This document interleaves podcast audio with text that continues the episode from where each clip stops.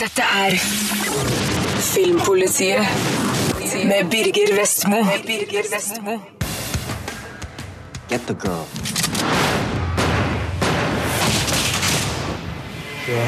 Jeg liker hardbarka actionthrillere som ikke sparer på verken kula, krutt eller flaue kommentarer. Safe har alt det her, men er samtidig delvis stygg, hakkat, ufin og sjarmløs. Jason Statham spiller med like mye innlevelse som en stumtjener, og er utstyrt med noen one-linere som er så dårlige at figuren hans like gjerne kun vært stum. Men Safe minner meg òg om lignende filmer fra tidlig 90-tall, som er like, vanligvis med Steven Segal i hovedrollen. Så det her er middels godt. It was Luke Wright. Bokseren Luke, spilt av Jason Statham, får livet ødelagt når russisk mafia dreper kona hans som hevn etter en match han skulle ha tapt. De vet ikke at Luke òg har en fortid som hemmelig politiagent, og når han redder ei lita lynsmart jente som kinesisk mafia bruker til å huske viktige tall, må han hamle opp med begge mafiaklanene samt New Yorks korrupte politistyrke. I never collected garbage. I disposed of it. Jeg kunne godt ha brukt tid på å gjøre narr av Jason Stathams manglende rekkevidde som skuespiller, men faktum er at han er ganske god til å spille den gravalvorlige og hardtslående actionhelten, en figur som jeg føler vi bør ha tilgjengelig til enhver tid. Man kan argumentere for at han er i ferd med å bli en parodi på seg sjøl, men det var òg Schwarzenegger, Stallone, Segal og van Damme i sin tid, og jeg elsker dem fortsatt. Med noen flaue unntak, grunnet dårlig skrevet manus, gjør Statham en brukbar figur her. Safe? Er en svært voldsom film, med noen heftige skuddvekslinger i New Yorks gater og bygninger. Man kan jo undre over at dette ikke gjør større inntrykk på media og byens innbyggere, for livet går tilsynelatende som normalt overalt. Kanskje er det så vanlig med nattklubbmassakre i New York at det ikke er nyheter lenger? Filmen har en egen stuntkoordinator, Chad Stahelski, høyt kreditert på rulleteksten, men mye av hans actionflyt blir dessverre ødelagt av frenetisk redigering og filming av en kameramann som må være hardt ramma av Parkinsons sykdom. Det er ganske sikkert et nøye overveid valg av regissør Bowles Jakin, men det ser ikke pent ut. Vel, filmen har det minste et grovkorna preg som Jakin dyrker fra start til slutt. Let's go to war. Safe er en helt middels god actionthriller som sliter litt med troverdigheten, men det hjelper på kredibiliteten at filmen er noe overraskende produsert av bl.a. Tarantino-produsenten Lawrence Bender og Kevin Spacey. Og den har noen vibber som kan minne om fordums filmer man leide på VHS. Jeg tror den her vil fungere mye bedre om noen måneder, når den kan nytes hjem i sofakroken med øl og pizza. You got some balls, Luke. Yeah, amazing I could even walk.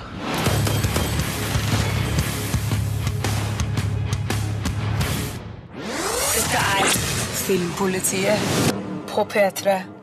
Semifinalene i EM i fotball er kanskje overstått, men vi har noen mye mer spennende semifinaler her i Filmpolitiet, nemlig i vår kåring Verdens beste superhelt. Ja, nå er det virkelig klart for de store navnene og de store fightene, og i dag kan vi avsløre hvem som har vunnet hver sin kvartfinale. Og her i studio, Marte Hedenstad, Andreas Opsvik og ikke minst Martin Aas. Og du, Martin, du har resultatene med deg i hende. Det har jeg. Kan du fortelle hvem vant kvartfinale A? Jo, eh, den første kvartfinalen mellom Wolverine og Hulken, eh, der gikk seieren over til Wolverine. Selvfølgelig! Det var bra. Jeg har alltid, alltid ønska at eh, Wolverine med sine kniveknoker skulle overvinne rå muskelkraft. Yes. Eh, I den andre så hadde vi Batman mot Iron Man. Ja, det var en tøff fight. Det der kunne like godt vært finalen. Ja, men der gikk Batman av med seieren. Hva syns vi om det? Jeg syns det er veldig, veldig tøft. Batman er eh, en utrolig kul superhelt. Han er faktisk min favoritt til å vinne hele greia. Ja, Men Iron Man er jo litt morsommere, da, i hvert fall på film. Ja, det er han jo. Stark er liksom litt mer arrogant, og det liker jeg. Ja. Eh, Andreas, hva syntes du? Stark er en, en, eh, en arrogant uh, kjepphøg tulling. Selvsagt måtte Batman vinne. okay. Eh, Kvartfinale C. Yes, Der var det Supermann mot Thor. Ja, det måtte vel kun bli Det ble Supermann. Ja, det ble det. Ja, nettopp, ja. Hvorfor er vi så negative til Thor, egentlig? Altså, Vi er ikke negative til Thor. Jeg syns Thor er dødskul. Men altså, når du stiller mot Supermann, som på en måte er den ultimate superhelten sånn egentlig, Ja. så, så kan han jo ikke stille opp, kan han vel det? Ja, men uh, Supermann er jo bare en alien. Thor er en gud. Nei, litt... Jeg syns Thor faktisk er jo på en måte en alien, han òg, hvis vi skal sånn se helt riktig på tegneseriegreiene, på en måte. Han kommer i hvert fall utenifra, eh, både han og Supermann. Ja. Nå, Martin Aas, den siste kvartfinalen Den som vi har kalt kvartfinale D. ja. Den siste kvartfinalen uh, var mellom Spiderman og Fant Donald. herregud, Ja, vet du hva? Det der, det der er så vanskelig valg. Veldig vanskelig. Jeg vet hvem jeg har stemt på, men Og Spiderman ble vinneren. Jeg trodde at du skulle si røyk ut. Oh, jeg tenkte du skulle være litt lur der, Martin, og si at Spiderman tapte. Ja, nei, Sparman uh, klarte akkurat. Det var en veldig jevn kamp, men Sparman gikk av seieren mot Fantonal. Ja. Men, det er så trist. Ja, det er jo for så vidt det, men uh, Fantonal, eller Donald, da, han taper jo som regel alltid til slutt. Sjøl om eh, det går bra en stund, så går det jo på ræva til slutt. Jeg rister hodet mitt i skam og eh, tristhet. Det Det hadde vært gøy å få han inn i finalen, men det er morsomt at han kom så langt som til kvarten, da. Jo da. Så de som går videre til semifinalen i verdens beste superhelt, eh, Martin, er altså Wolverine, Batman, Supermann og Spiderman. Ja, og det er fire sterke navn, Andreas og Marte. Det, har vi en favoritt?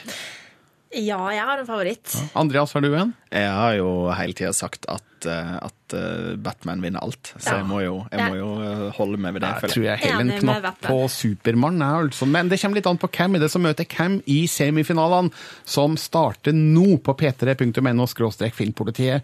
Martin, hvem møtes i den første semien? Der har vi Wolverine mot Batman. Ja. Oi, oi, oi. Oh, det blir tøft. Hvem tror vi vinner der? Jeg har vel ikke noe tru på um, Wolverine mot Batman, tror jeg. Nei, jeg tror du har rett i det. altså, Birger. Wolverine er en utrolig kul superhelt, men Batman er så bra og, så, og har en såpass stor fanskare at jeg tror nok han uh, går av med seieren. Han, han, han er svær. Han er svær. Ja. Men Du må tenke på at altså, Batman er altså, dødelig og sårbar. Det er ikke Wolverine. Bat Men- Men det er ikke alltid folk noe- tenker på det når de stemmer. sant? Folk stemmer gjerne over den de syns er kulest. Men tenk også at Wolverine har bare seg sjøl og knokene, mens, eh, mens Batman har jo alle de leketøya som han Han kan jo konstruere leketøy eh, i forhold til hvem er det han skal hanskes med. Og så har du Wolverine. Er jo, han skårer jo litt poeng på å være sånn kanadisk hunk, da. Det hjelper jo. Han er, liksom, han er, liksom, han er litt som Bear Grills. Men det er for en, uansett en kamp jeg gjerne skulle sett på film. Ja, det jeg tror jeg hadde sett helt fantastisk ut. Ja, nå, nå lurer jeg litt på hva eh, Wolverine skulle ha gjort med Batman, og hvilken strategi han skulle lagt opp. Eh, For jeg regner med at eh, Batmans eh, drakt eh, Kan den motstå de, de her titaniumknivene til, til Wolverine? Hvis drakta er lagd av titanium, men det blir kanskje litt for tungt for Batman å bære. Ja, altså jeg tror i hvert fall han kunne ødelagt vingene, kanskje klore opp vingene, og da er jo Batman ganske fucked. Ja, Så eh, det er ikke helt sjølsagt hvem som går av med seieren her. Så det er bare å gå inn på p3.no slash filmpolitiet og stemme over hvem som vinner semien mellom Batman og Wolverine.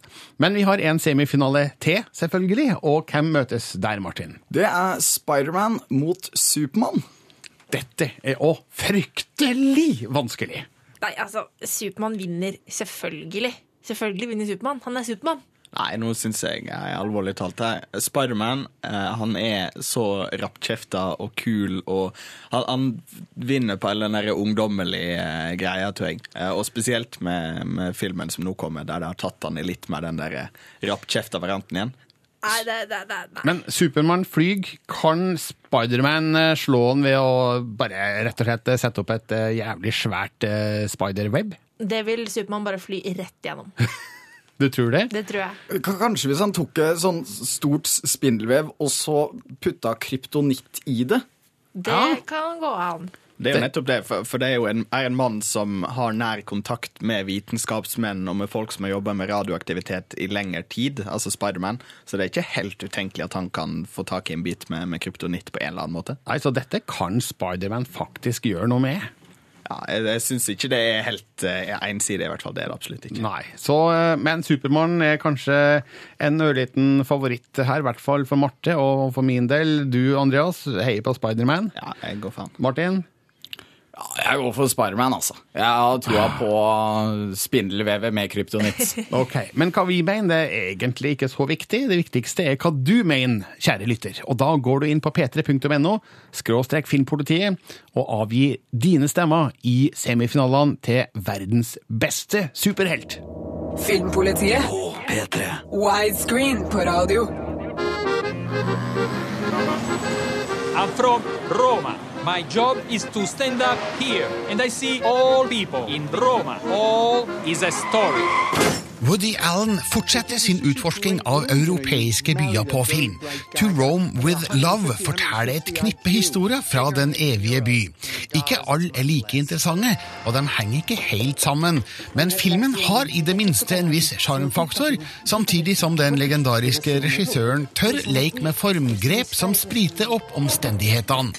Jeg sitter ikke med følelsen av å ha sett Woody Allen på sitt beste, men ble underholdt og romantisert. Scusi, ehm, eh, Fontana di Trevi? Turisten Hailey, spilt av Alison Pill, forelsker seg i Michelangelo, spilt av Flavio Parenti.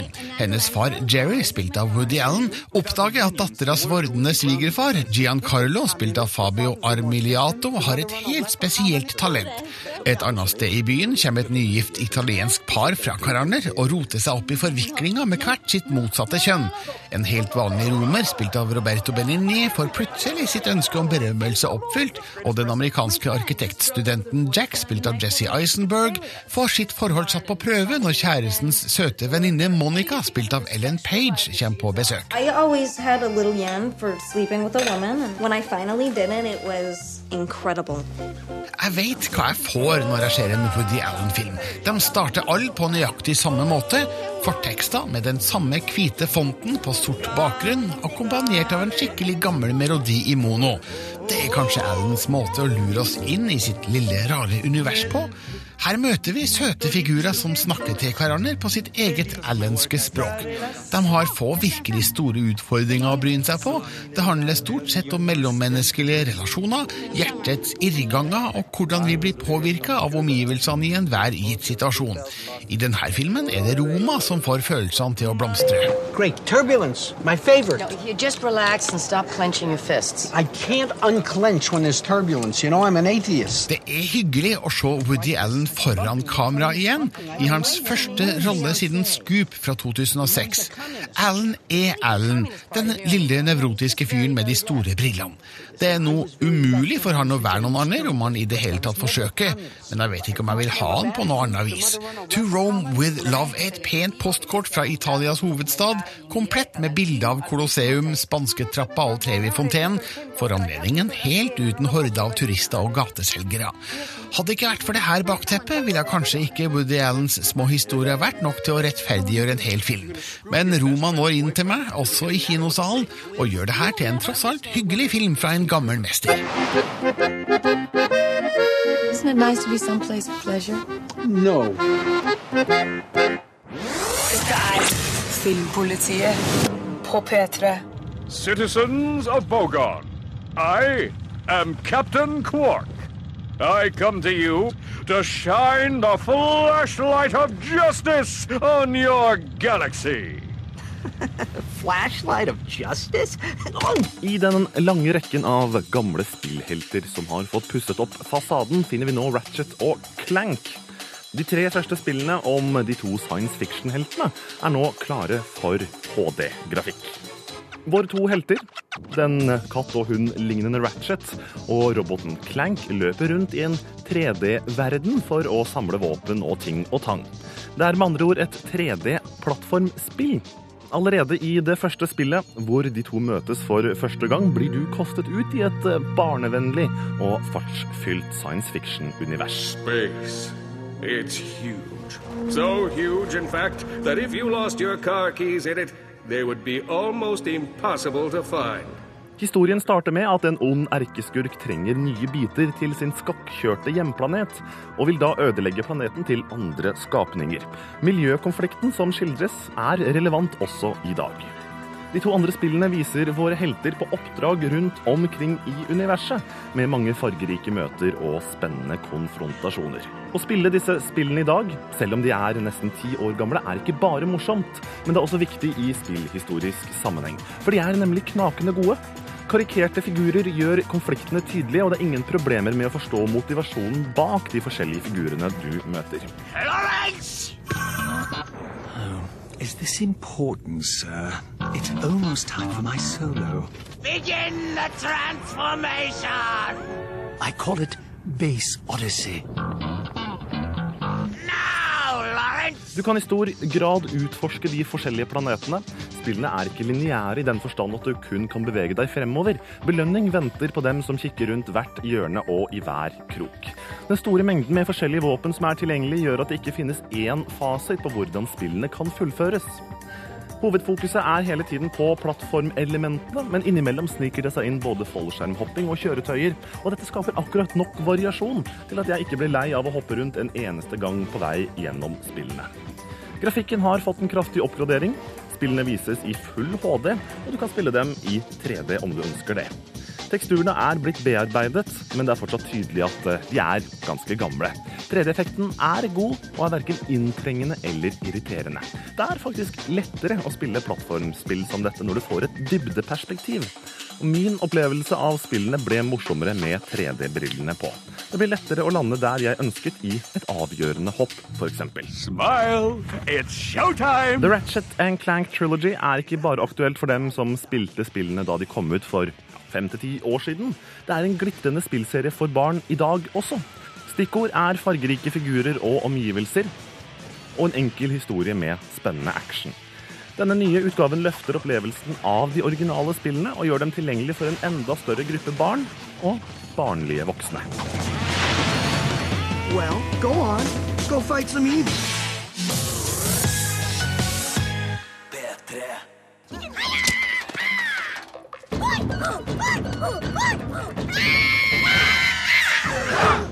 Den fjerde istid-filmen viker ikke fra suksessformelen. Det handler stadig om morsomme figurer, farlige situasjoner, fokus på familie og masse is. Jeg kan ikke si at nyvinningene står i kø, men jeg har samtidig en mistanke om at det ikke er så viktig, verken for filmskaperne eller publikummet de henvender seg til. Småbarnsfamiliene vil stå i kø for å la seg underholde av noe de kjenner, noe de er trygge på.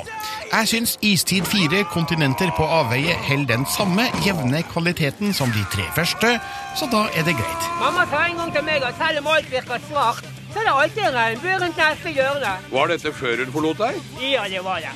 Vi befinner oss stadig vekk i forhistorisk tid. Mammutfamilien Manny, Ellie og tenåringsdattera Fersken skilles når grunnen plutselig slår sprekka, beveger seg og sender Manny til havs på et isberg. Heldigvis får han følge av sine venner Diego og Sid, men det skal bli vanskelig å finne veien tilbake. På veien over havet blir de nemlig fanga av slemme pirater, leda av kaptein Gutt. Overgi skipet, eller føl min fred!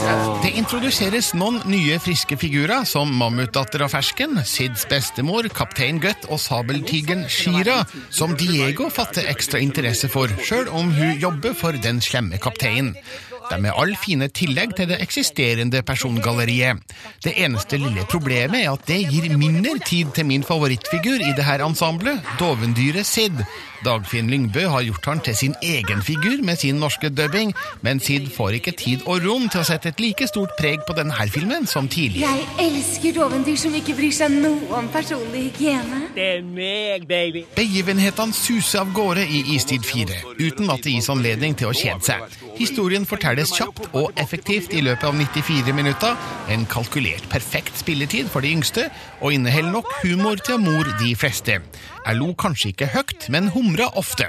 Det er òg godt gjort å følge flere historietråder samtidig, uten at det er vanskelig for publikum å holde følge.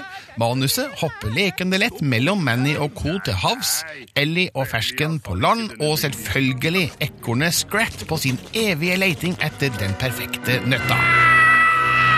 Istid 4, kontinenter på avveie, er en solid tegnefilm som gir oss mer av det samme.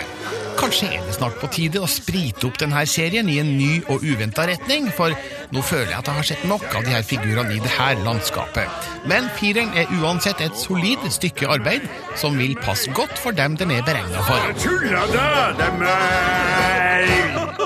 Flott nisekappe.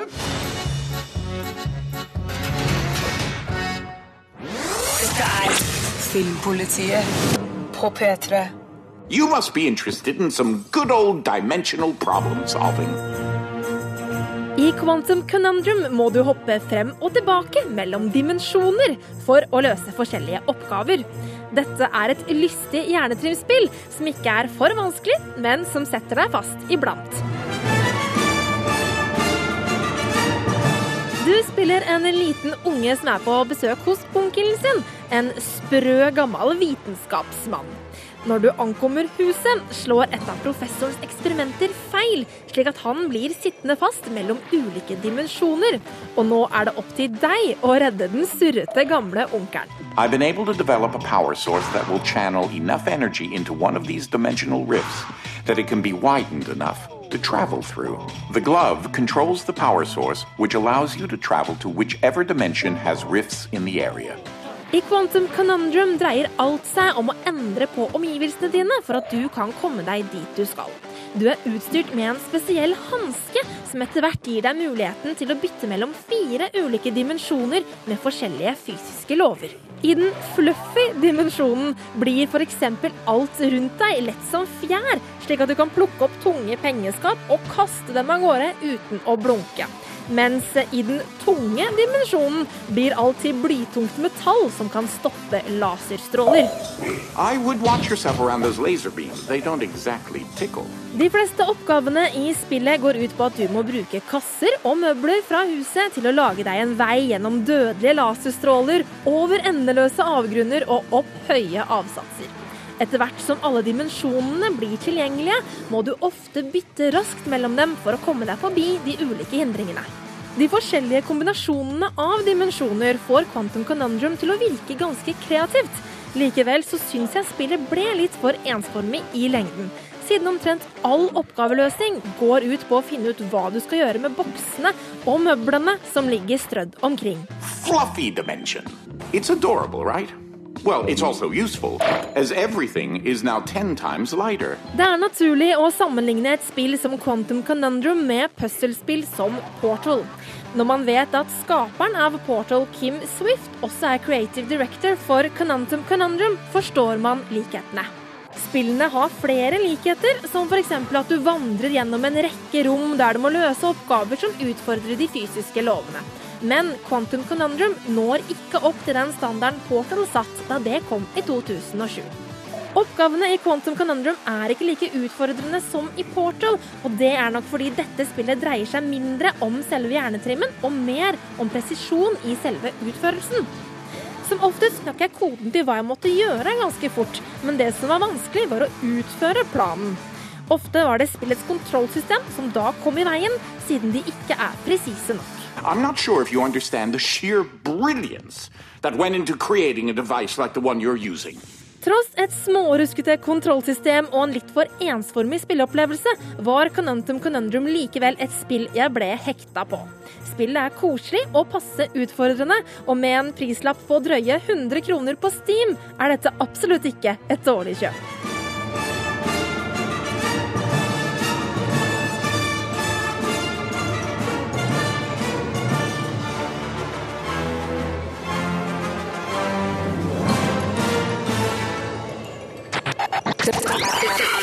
Filmpolitiet på P3. Filmpolitiet presenterer Filmnytt. Raging Bull 2 er under innspilling i Los Angeles.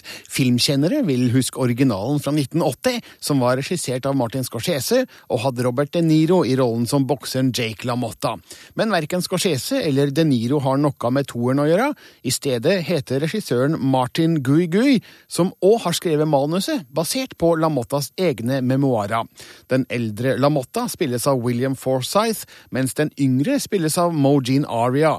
Andre navn på rollelista Penelope Ann Miller, Joe Mantegna, Paul Sorvino, Nastasha Henstridge og Cloris Leachman. Det her er solide navn, men Raging Bull 2 høres likevel ut som en litt tvilsom film.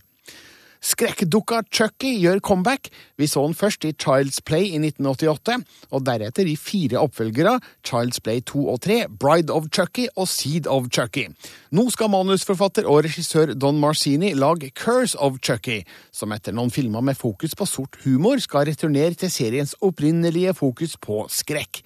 Denne gangen skaper Chucky kaos i en familie som er samla til en begravelse. Brad Dourif skal igjen gi Chucky sin karakteristiske stemme, og innspillinga starter i september. Filmen produseres for Blu-ray og DVD. Nå skal det lages en film om The Human Fly, en maskert stuntmann som utførte ville stunts på amerikansk TV på 1970-tallet. Han ble også tatt inn i Marvel-universet, der han kryssa spor med blant annet Spiderman og Daredevil. The Human Flys mest kjente stunt er da han surfa på toppen av et jetfly i 5000 fots høyde. Stuntmannens egentlige navn skal ha vært Rick Rojat, men ting tyder på at Rojat òg er fiktiv, og at hele konseptet rundt The Human Fly er skapt av en canadisk pølsemaker ved navn Joe Ramachieri. Filmen skal regisseres av Steven Goldman, og skal visstnok handle om både den maskerte stuntmannen og pølsemakeren som skapte han. Tre av regissør Paul Verhovens filmer er snart aktuelle som nyinnspillinger, nemlig Total Recall, som har premiere 10. august, og Starship Troopers og Robocop, som snart går i produksjon. Felles for dem alle er at de vil være langt snillere enn Verhovens ultravoldelige versjoner. Produsent Toby Jaffe sier til Empire at både Total Recall og Starship Troopers vil være kraftig nedtona. Dess dyrere en film er, dess vanskeligere er det å lage dem voldsomme. Spesielt med Recall gjorde vi et bevisst valg å holde den nærmere tonen til Minority Report, sier Jaffe.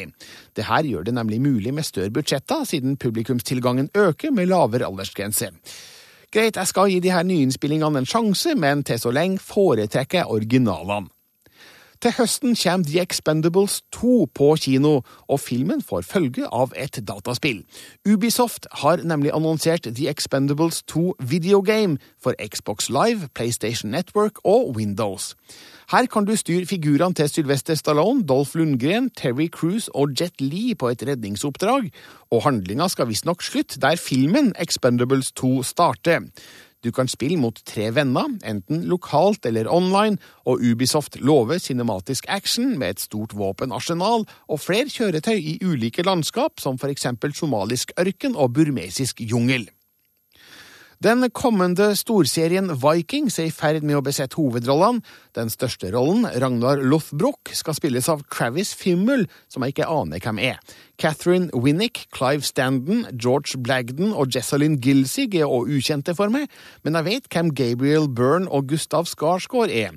Byrne skal spille Jarl Haraldsson, den mektigste i Ragnar Lothbroks område, mens svenske Skarsgård spiller båtbygger og Ragnars venn Floki. Dessverre er det ikke annonsert noen norske vikingskuespillere ennå, men det kan forhåpentligvis endre seg når innspillinga av Vikings starter i Irland senere i år.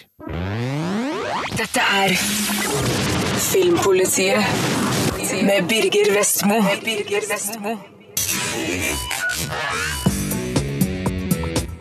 Du hører nå en podkast fra NRK P3. Hent flere podkaster fra NRK på nettsiden nrk.no podkast. NRK P3.